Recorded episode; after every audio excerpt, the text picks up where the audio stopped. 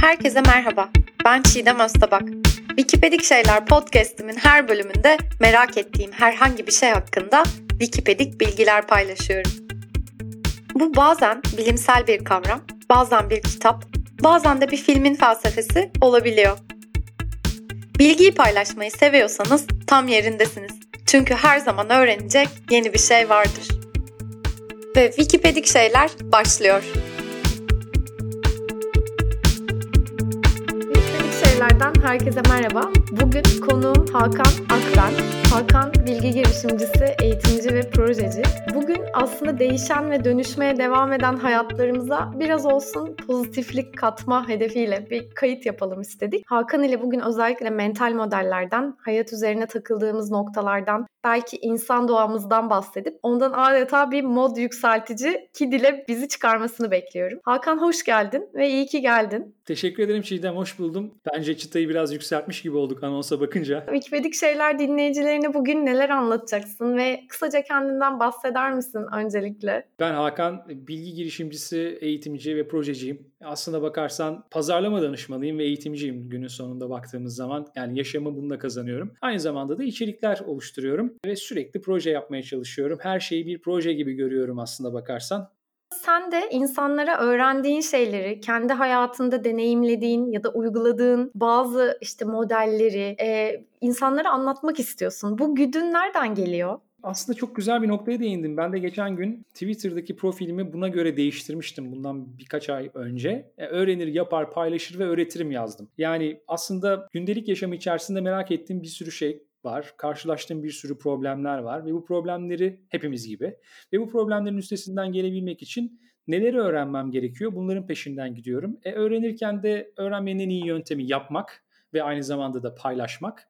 Yaparak, paylaşarak e, hem öğrenmemi pekiştiriyorum hem problemlerimi aşmamı sağlayacak olan, engellerimi aşmamı sağlayacak olan bilgi ediniyorum. Aynı zamanda da etrafımdaki insanlara, beni takip edenlere bir fayda sağlamaya çalışıyorum. Aslında bu biraz içgüdüsel e, olan bir şey bence. Yani nereden geldiğine dair çok da bir fikrim yok. ne yalan söyleyeyim. Bu, ya muhtemelen merakların tabii ki yani hepimizin olduğu gibi başkalarına aktarmak, anlatmak böylelikle çok daha pekişiyor tabii kendimiz için.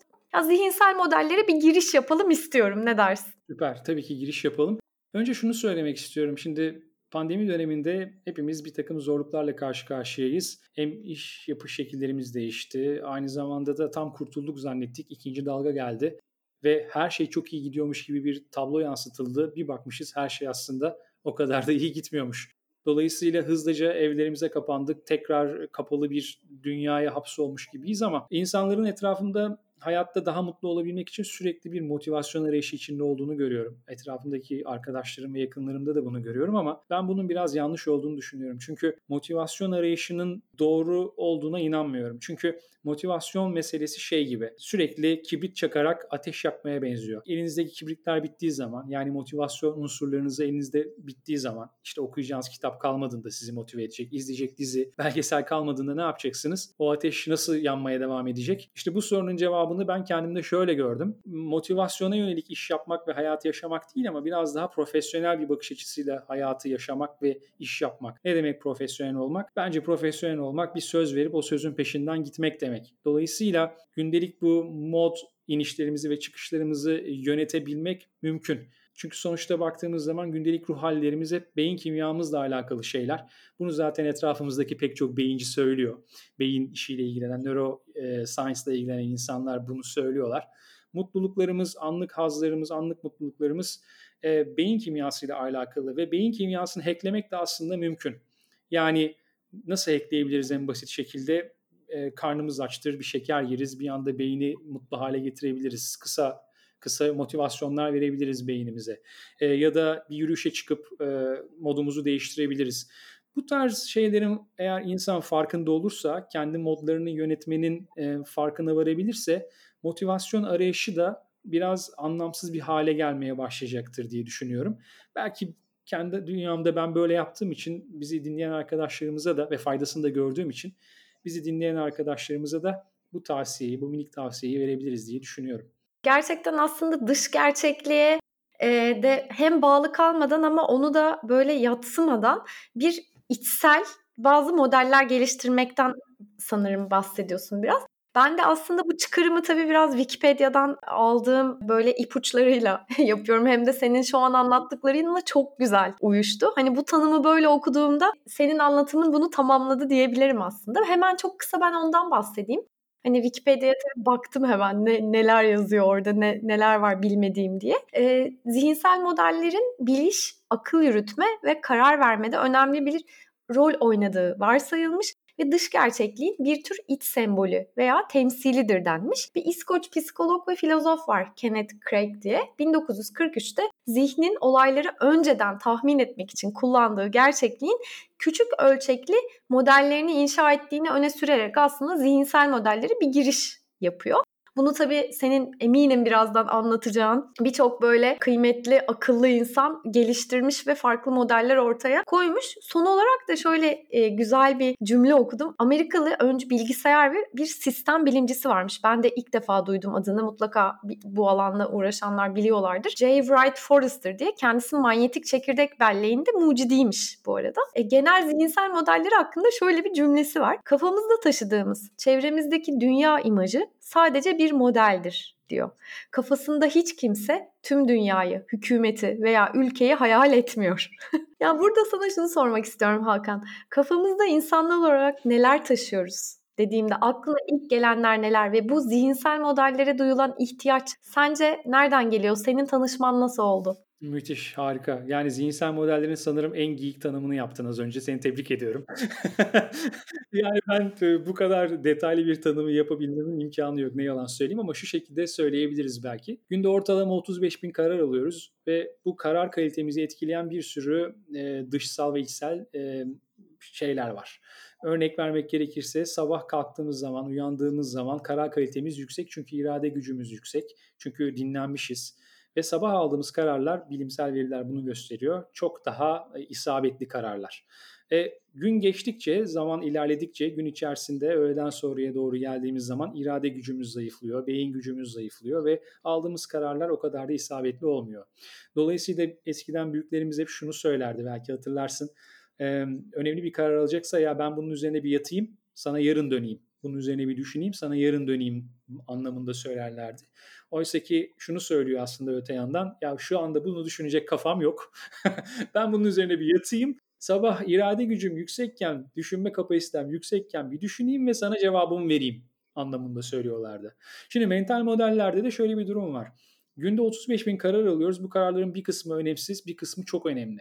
Ve beyin için düşünmek ve karar almak son derece maliyetli bir şey. Çünkü e, hani bunu Immanuel Tolstoyski de kitabında bahsetmiş Safsatalar Ansiklopedisinde ve aynı zamanda Kahneman da galiba bundan bahsetmişti.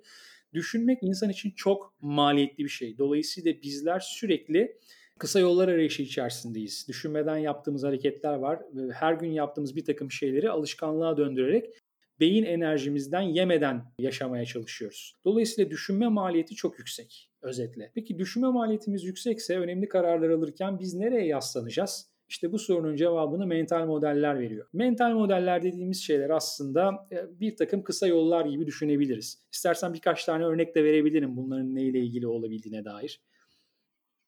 Süper. Mesela e, seninle az önce konuşurken şundan bahsetmiştik. İşte Çiğdem bir girişimci ve yatırımcılarla görüşüyor.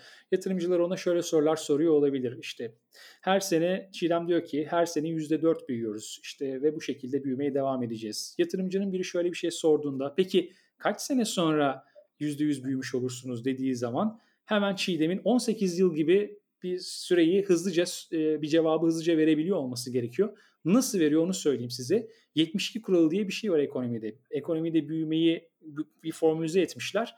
Mesela diyelim her sene %4 büyüyorsan 72 bölü 4 eşittir 18 çıkıyor.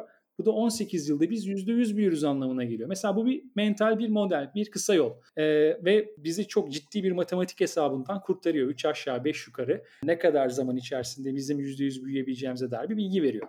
Mesela bu bir örnek. Bir başka örneği belki e, şöyle verebiliriz. 80'e 20 kuralı belki duymuşsunuzdur. Wilfredo Pareto diye bir abimiz var.